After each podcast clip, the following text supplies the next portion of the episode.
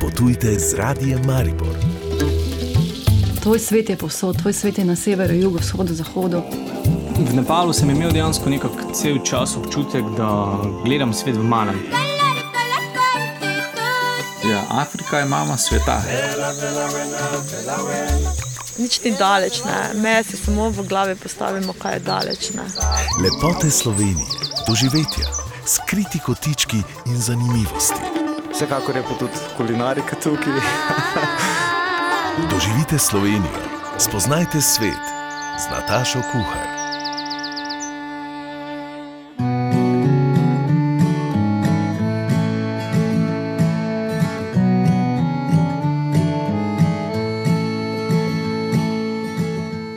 Lepo pozdravljeni, zadnjo februarsko turistično oddajo bomo posvetili minulemu mednarodnemu dnevu turističnih vodnikov in turističnemu obisku v Mariboru in njegovi okolici v času zimskih šolskih počitnic. Znova pa bomo tudi križarili in spoznavali življenje na velikih ladjah. Vabljeni k poslušanju.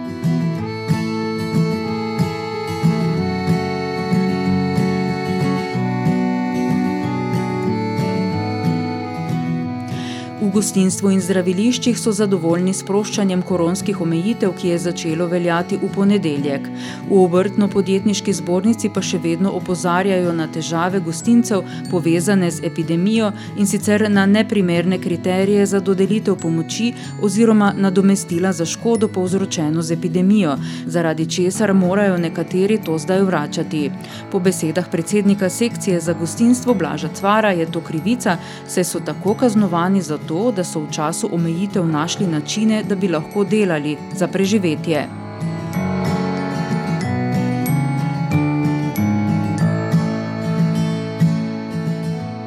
Ob mednarodnem dnevu turističnih vodnikov, ki smo ga zaznamovali v ponedeljek, so se po Sloveniji vrstila brezplačna turistična vodenja, ki so poudarila pomen lokalnih turističnih vodnikov pri ohranjanju kulturne in naravne dediščine in njihovo vlogo pri promociji krajev. Letos pa je bilo v spredju vključevanje ranljivih skupin v sodobne turistične tokove.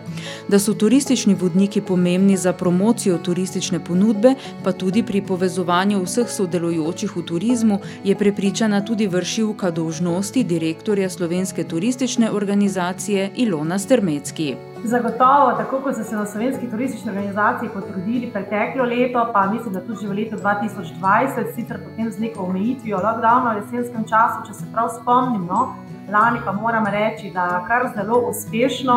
Uh, slovenska turistična organizacija je lansko leto 6000 evrov namenila skozi ta javni poziv za spodbudo vsem subjektom, ki imajo registrirano dejavnost turističnega vodenja. Lahko vam povem, da so bila ta sredstva kar v veliki meri pokoriščena. Eh, glede na to, da je pa za nami, zdaj bom rekla, tudi zima, ki ni bila kaj dosti uspešna zaradi vseh teh omejitev in pa zaradi časa trajanja tega COVID-a, in tudi še ta pomladanski čas, smo seveda v program dela Slovenske turistične organizacije eh, za leto 2022 tudi nekako umestili eh, ta sredstva. Tako da ja, bomo spodbujali še naprej, ker se res zavedamo, kako pomembni so turistični vodniki pri promociji turistične ponudbe, destinacije, države, pa tudi pri povezovanju vseh deležnikov v turizmu in to je seveda potrebno spodbujati. Kajti, ko se vrnemo spet, bom rekla, eh, v obdobje, ali ta post-COVID, ne, ko bomo v bistvu nekako upravili s to pandemijo, moramo biti na to dobro pripravljeni, vsi deležniki v turizmu. In zato moramo ustrajati, moramo ostati, moramo imeti dobre, kvalitetne turistične vodnike, izobražene. In z tega vidika, seveda, mora tudi Slovenska turistična organizacija to podpirati in za tem stati. Predsednica Društva regionalnih turističnih vodnikov Argos Mateja Kregar Gliha je ob tem pohvalila državno pomoč turističnim vodnikom v času epidemije. Res zadnje dve leti nista bili enostavni, moram priznati, da je bilo težko vzdrževati vodniško kondicijo.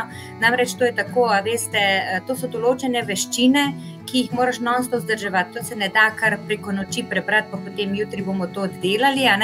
Tako da smo se vodniki lotili različnih takšnih in drugačnih aktivnosti. Eh, zahvaljujoč tudi univerzalnemu temeljnemu dohodku, ki nam ga je država namenila par mesecev, smo se lahko potem posvetili tudi, recimo, tako bolj nekim dobrodelnim akcijam. No, med njimi ste verjetno že slišali, da smo upravljali spletne vodene oglede za starejše občane v domovih za starejše, oziroma tudi v centrih aktivnosti. Tako so v tem času pripravili najrazličnejše aktivnosti. V ospredje so postavili spletna vodenja za starejše in se povezali z Zavodom brez ovir, ki se ukvarja med drugim z osebno asistenco in dostopnim turizmom. Monika Šparl iz Centra aktivnosti Fužine je prepričana, da so se taki ogledi potrdili kot zelo primerni za starejše, zlasti za tiste, ki so gibalno ovirani in zato ne morejo na izlete s turističnimi agencijami je to ena zadeva zelo primerna za, če delaš starejšo populacijo. Ja. Pa ne, da zdaj pač starejši ljudje ne morejo ne, iti na lokacije, ker se neki ogledi turistični in taki odvijajo, ampak tukaj so neki zdravstveni razlogi, lahko starostne degenerativne spremembe, karkoli, ki starejše ljudi uh, ovira, da bi se pač uh, izletel s turističnimi agencijami. Mm ki udeleževali. To je fenomenalno. No, jaz mislim, da tudi, ko bo COVID na koncu, se boste lahko tej uh, starostni skupini še bolj približali, kot mogoče je bilo do zdaj. No. Ni lepšega, kot sedeti doma. Ne? Uh, s toplo kavico, potem pa turistični vodnik popelje po Sloveniji. Ne? Kot rečeno, so turistični vodniki začeli sodelovati z Zavodom brez ovir, ki se ukvarja med drugim z osebno asistenco in dostopnim turizmom. V zavodu so vodnike opolnomočili za delo skupinami z različnimi oviranostmi in jih pripravili na to, na kakšne ovire je mogoče naleteti pri turistični ponudbi, kako se jim izogniti in kako ravnati ob zapletih. Mojca Slapar iz Zavoda brez ovir. Res je, Zavod brez ovir se ukvarja v bistvu na splošno s povečanjem dostopnosti, enakopravnosti, se pravi, res um, z ranljivimi skupinami, z osebami z oviranostmi, uh, ki jih potem lahko na najrazličnejše načine mečkan bolj upeljemo v življenje, kot so ga bili veliko krat tudi prej vajanja. Ne? Torej, nudimo osebno asistenco, pri pomočke, tako na znake, kot ste omenila, že od samega začetka tudi dostopni turizem.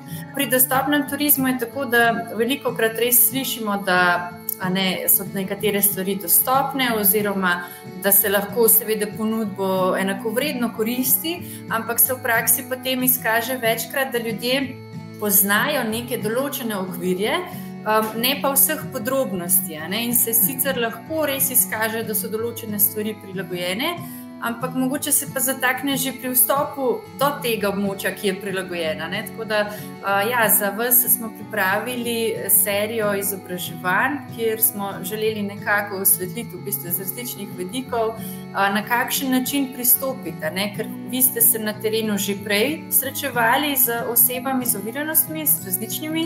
Um, ampak mogoče bolj, bom rekla, na nek spontan način, ne? na nek mečkan, tak, kjer je prepuščen potem presoji posameznika, kaj je tisto najbolj ustrezno ravnanje. Mednarodnemu dnevu turističnih vodnikov se je z brezplačnimi vodenji po mestu in okolici pridružil tudi Zavod za turizem Maribor. Ob tem so sporočili, da je Mariborska vodniška služba lani zabeležila kar 106 odstotno rast števila voden v primerjavi z letom 2020 in da so bila novost vodenja za osebe s posebnimi potrebami. Zavod za turizem Maribor jih je organiziral v okviru občinskega participativnega proračuna. Po kratkem predahu bomo pogledali še, kako zasedenje Maribor z okolico zdaj, ko smo v Sloveniji sredi zimskih šolskih počitnic. Potujemo tudi na spletu. Bonjour, ça va? Je l'ai. Oui, c'est tout. Radio Maribor.si Suis-moi. Kdor potuje, naj uživa. Doživetja povezujejo. Pridite, potujte z radijem Maribor. Potujte z radijem Maribor. Medtem ko se za učence in dijake v srednji in zahodni Sloveniji zimske šolske počitnice končujejo, pa se šolari iz vzhodnega dela države prihodnji teden na nje šele odpravljajo. Turistični ponudniki v Mariboru in okolici so z zasedenostjo kapacitet zadovoljni, k takemu stanju pa je po svoje pripomoglo tudi sproščanje epidemičnih ukrepov. Dobro so zasedena smučarska središča, primar promo, ki upravlja smučišča na Mariborskem pohorju, pa so nasploh zadovoljni tudi z letošnjo zimsko sezono. Miha Rubin. V aktualni zimski sezoni smo na Pohorju doslej izpeljali 80 smučarskih dni, v tem času pa smo našteli blizu 150 tisoč obiskovalcev. To je precej več kot v predhodni sezoni, tako da smo z obiskom zadovoljni. Kot uspeh lahko izpostavimo tudi, da sta na Mariborskem pohorju še vedno odprti obe progi do doline, kar pomeni, da smučamo do 300 metrov nadmorske višine, je pa priprava prog na takšni višini seveda precej zahtevnejša kot naprimer na Arehu. Zdaj, del počitnic zimskih je tudi že za nami, kakšen imate obisk?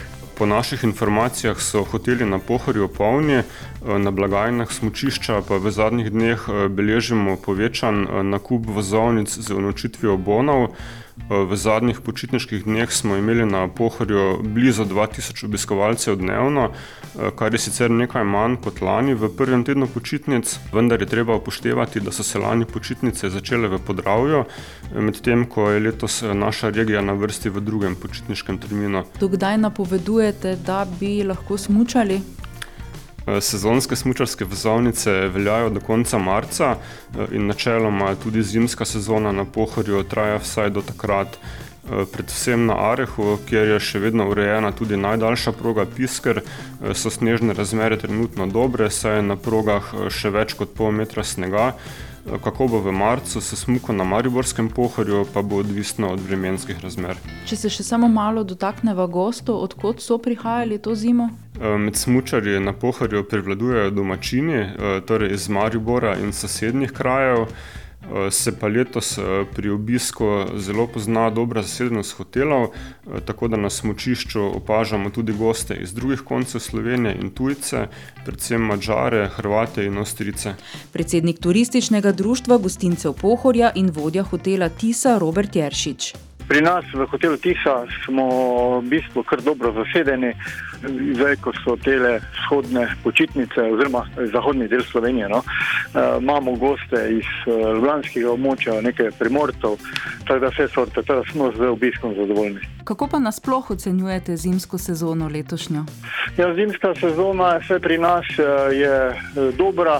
Je res, da so v začetku, v prvih mesecih januarja, pa to so malo motili tile eh, koronske zadeve, ampak nekaj smo imeli tudi iz tega naslova odpovedi, ampak kakorkoli, zdaj, če gledamo za ta prva dva meseca, je bila zasedenost kljub vsem tem omejitvam oziroma tem težavam povezanim s COVID-om dobra.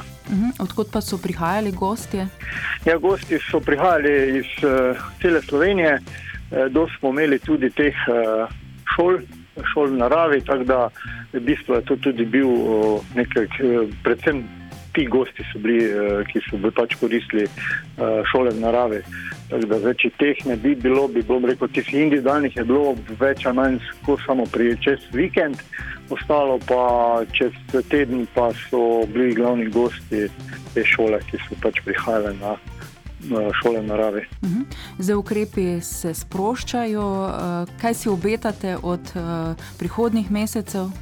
Ja, zdaj, zdaj seveda pričakujemo, da se bodo ti ukrepi še dodatno sprostili, da bo pač manj, čim manj teh omejitev. E, tako da seveda gosti tudi to pozdravljajo, so veseli. E, tako da tudi mi seveda pričakujemo, da se bodo še dodatno z, e, zmanjšali ti ukrepi, oziroma da jih več ne bo, da bo prišel neko normalo in da bomo pač nekje normalno lahko delali. E, seveda tudi pričakujemo, da bo gosti prihajali in da bomo polni nazadnje tudi vsi zadovoljni in veseli.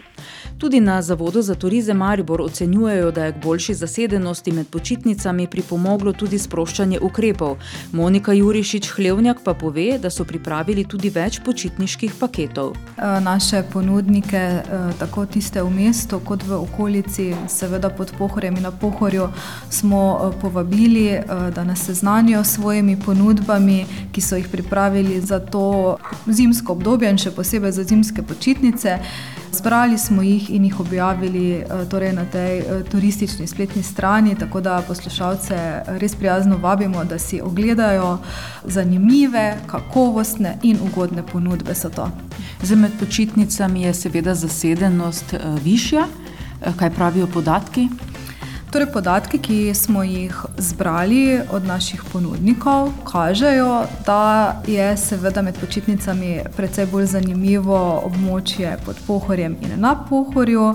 Tukaj je zasedenost eh, nekaj več kot 70 odstotna. Eh, hoteli v mestu eh, niso toliko zasedeni s temi tako imenovanimi počitniškimi gosti. Tukaj so bolj poslovni gosti, gosti iz naslova športnega turizma, tako da je tukaj je zasedenost okoli 30 do 40 odstotna. Tako prvi teden počitnic na Pohorju, kot tudi ta, ki se približuje, pa beležita tam res nad 70 odstotno, pri nekaterih ponudnikih pa tudi 100 odstotno zasedenost. Pa tudi sicer ta sezona ni slaba. Ne? Že v času božičnih, novoletnih praznikov ste beležili kar visoko zasedenost, tudi 70 do 80 odstotno, kaj pa v januarju? Tako je, dobri rezultati so že od prejšnjih praznikov. Sedaj, ko je sproščanje še toliko večje, ponudniki povedo, da se tudi rezervacije še stopnjujejo. Mesec januar je vsekakor neprimerljiv z lansko letnim, ko je bilo nekako popolno zaprtje. Uh, tako da ti odstotki rasti so res uh, zelo, zelo veliki. Vsekakor se pa nadejamo, da se bo trend nadaljeval, da bomo enako uspešno stopili tudi v pomlad, potem v prvomajske praznike, to bi pa moralo biti potem že res tisto uh, pravo turistično popotovanje, že res nekaj običajnega. Boljšo zasedenost kot med jesenskimi počitnicami beležijo tudi v bližnjih termah, na Ptuju, v Radencih in Moravskih toplicah. Med gosti je tudi tokrat največ domačih, tuji pa prihajajo predvsem iz Avstrije, Nemčije, Hrvaške in Italije. Po predahu še na ladje čaka nas namreč nova zgodba o križarjenjih. Potujemo tudi na spletu. Bonjour, ça va? Je l'ai.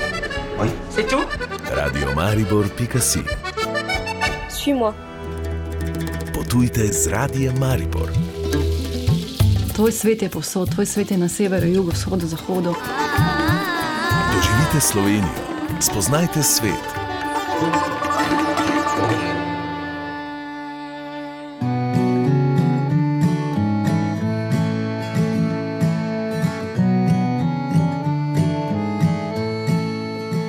Naša gostja, Mariborčanka Nina Heric, je kar sedem let služila kruh z delom na križarkah. Življenje in delo na ladji sta po njenih besedah svoje vrstno doživetje, polno je smeha, prekrasnih destinacij, a tudi napornih delovnih dni. Že prejšnjič nam je zaupala, kako se je sploh znašla na ladji. Če vas zanima, ali na ladjah resnično prihaja tudi do romantičnih zgodb, kakršne vidimo v filmih, boste to slišali danes. Najprej pa nam bo sogovornica povedala, kako je znanjem jezikov, glede na to, da so gostje iz vsega sveta. Ja, bo držalo. Zdaj, um, uradni jezik sicer je angliščina, je pa res, da je vedno na vsaki ladji, predvsem na teh večjih, ena oseba, ki obvlada najmanj pet do šest jezikov. Tej se pač uradno reče international host, kot nek gostitelj, ki dejansko sprejme razno, razno, oziroma pač govori razne jezike in lahko pomaga gostom. Zdaj, ampak ta angliščina vseeno je uradni jezik, se pravi, vse, kar se dogaja na ladji, je v angliščini. Pri nas, v tem oddelku, kjer smo pač te izlete prodali, in tako naprej, kot sem že prej omenila, je bil jezik en velik faktor, da je pač pri meni prišlo do, do te izbire zaradi tega, ker pač govorim več jezikov in potem je normalno ljudem to lažje komuniciranje, čeprav obvladajo angliščino. Ampak drugače pa ja, največ bi še vedno rekla, da, da je teh nakrižarjenih američanov, potem pa kar sledijo uh, Španci, Nemci, kar se tiče Evrope, in potem mogoče ja, Južna Amerika, ampak tudi ne bi mogla reči, da. Ampak glavnem španščina, angliščina, to je skoraj da obvezno, potem pa kar takoj zatem pa nemščina. Ali popotnik z ladjo drugače doživi svet? Jaz bi rekla, da ja. Mogoče bi nekdo rekel, da je to takšna instant verzija potovanja, zaradi tega, ker hodiš, oziroma pluješ vsak dan nekam drugam in da potem hitiš in da v bistvu ne doživiš dejansko države, v kateri si. Ampak, kot sem že prej omenila, recimo te večje ladje, bi rekla, da je tako, zaradi tega, ker so tudi manj časa v pristanišču, pomeni mogoče od 8 zjutraj do 4-5 popoldan. Ta manjše ladje imajo pa večkrat tudi prenočitev. Pomeni, da se da gostom tudi možnost, da oni prenočijo izven ladje, da grejo na dvo ali celo trodnevne ture. Kar potem vseeno omogoča eno malo bolj intenzivnejšo obliko spoznavanja kulture. Ampak Jaz mislim, da to je en super način spoznavanja neke države, da si mogoče narediš malo želje po ponovnem obisku. No, prej ste omenili, oziroma sva povedali, da ste obiskali lep del sveta, katera država pa vas je recimo najbolj očarala? Aljaska. Aljaska. ja. Zakaj? Um, jaz sem bolj človek uh, hladnega vremena, če temu tako rečemo, vode, predvsem, to sigurno, um, hribov oziroma gora. In Aljaska dejansko je združi vse to. Mi smo bili tam ponavadi v poletni sezoni, seveda, zaradi tega, ker po zimi dejansko tam ni nobenih izletov, tudi z ladjo se ne da zaradi ledu priti do nekaterih uh, krajev. Ampak poleti pa je, pa je to ena edinstvena kombinacija, tudi na vrhovih še sneg. Potem ogromno vode, nekih dotokov, potokov, gozdov, uh, gora, um, in pa ne na zadnje, izletov adrenalinskih doživetij, se pravi, jahanje s konji po rekah, plezanje po, po razno raznih stenah. Potem meni osebno, po mojem, najljubša tura.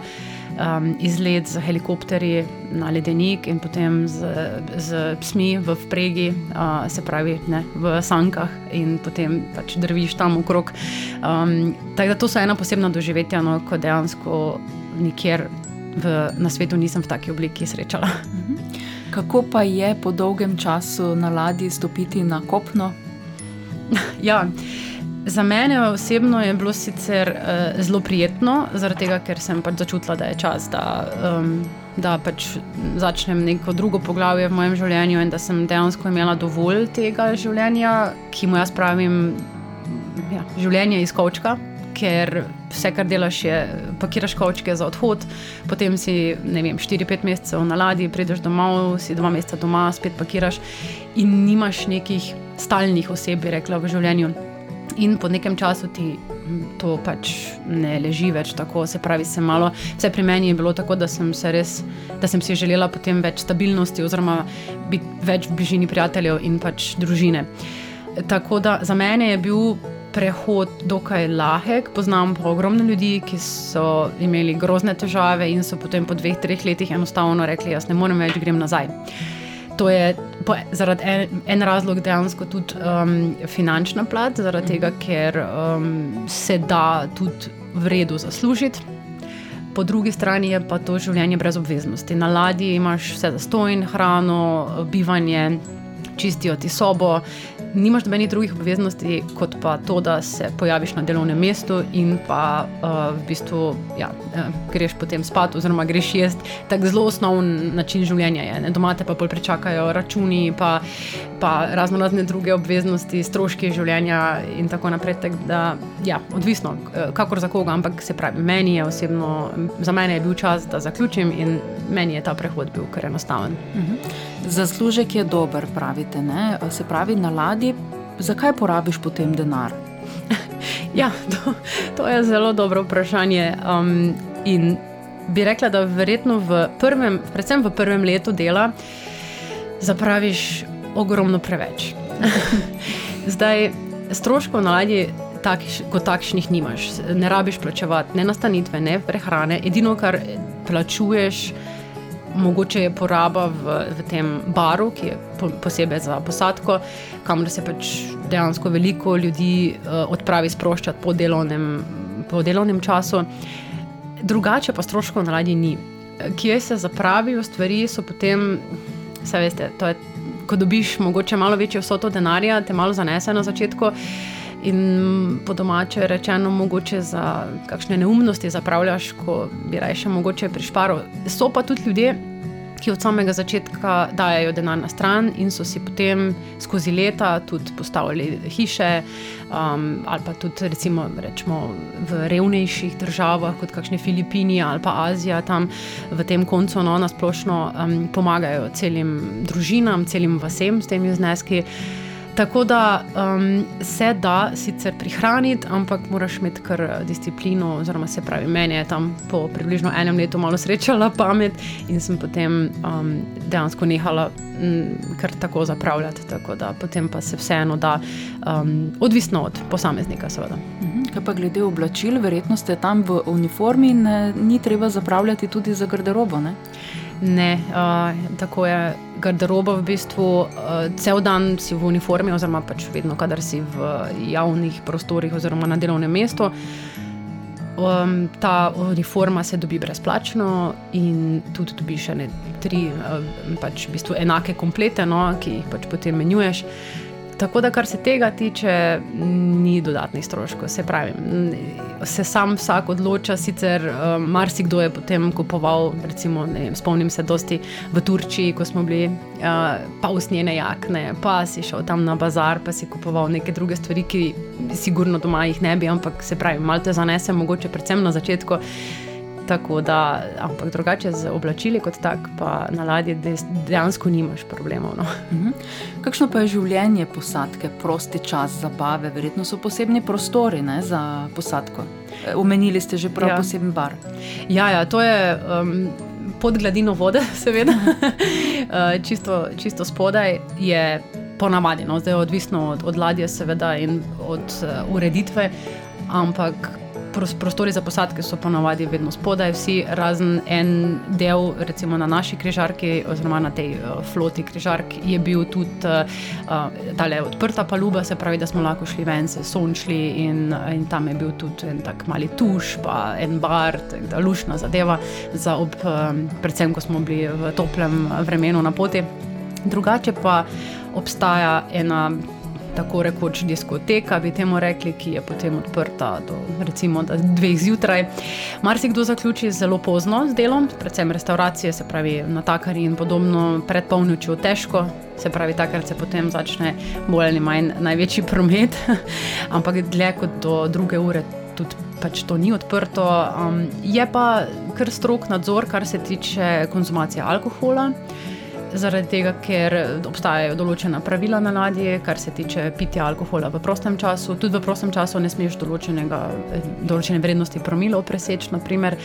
Tako da je pač ja, zabava z omejitvami, ampak kljub temu um, smo se imeli super, nepozabne zabave so bile vmes in tudi uh, marsikdaj se organizira kakšna večja zadeva za posadko, tudi recimo bingo ali pa kakšne tombole, ali pa enkrat smo imeli tudi šov z enim hipnotizerjem.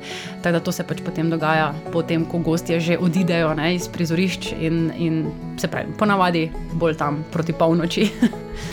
Povejte, kako je pa z romancami med posadko in kako je s pogledovanjem z drugimi potniki? Ja, s potniki je absolutno tabu to ne obstaja, in če obstaja, greš takoj domov, oziroma tudi uh, mislim, da dobiš uh, neko kazen, oziroma te mislim, da prijavijo. Zato, ker zdaj ladja v našem primeru pač je plula pod ameriškimi zakoni. Tam je to zelo striktno, se pravi, potnike niti v bistvu se ne smeš jih dotakniti. Tudi imamo, so bila um, so bile, recimo, um, oziroma so bili treningi, recimo, da pride potnik oziroma ja, gost do tebe, pa reče, mi bi se pa radi slikali z vami, ne? se pravi, tudi ne smeš ga objeti, moraš roke držati ob telesu in podobno.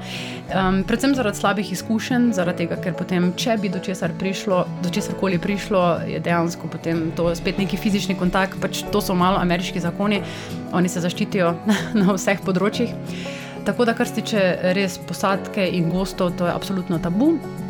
To, kar se pa med posadko dogaja, to pa je pač ja, prosta izbira, in tu dejansko ni dobenih omejitev. No, Marsikdo se je na ladjah našel, um, tudi za dalj časa, in so tudi zdaj poročeni in, in imajo otroke. Imamo tudi, oziroma obstaja na, na Facebooku ena skupina, kjer se dejansko ti pari tudi potem predstavljajo in objavljajo slike in ne, napišejo, kje so se spoznali in kako dolgo so zdaj že poročeni in kakšne slike otrok. Da, ja, so zelo zanimive zgodbe vmes.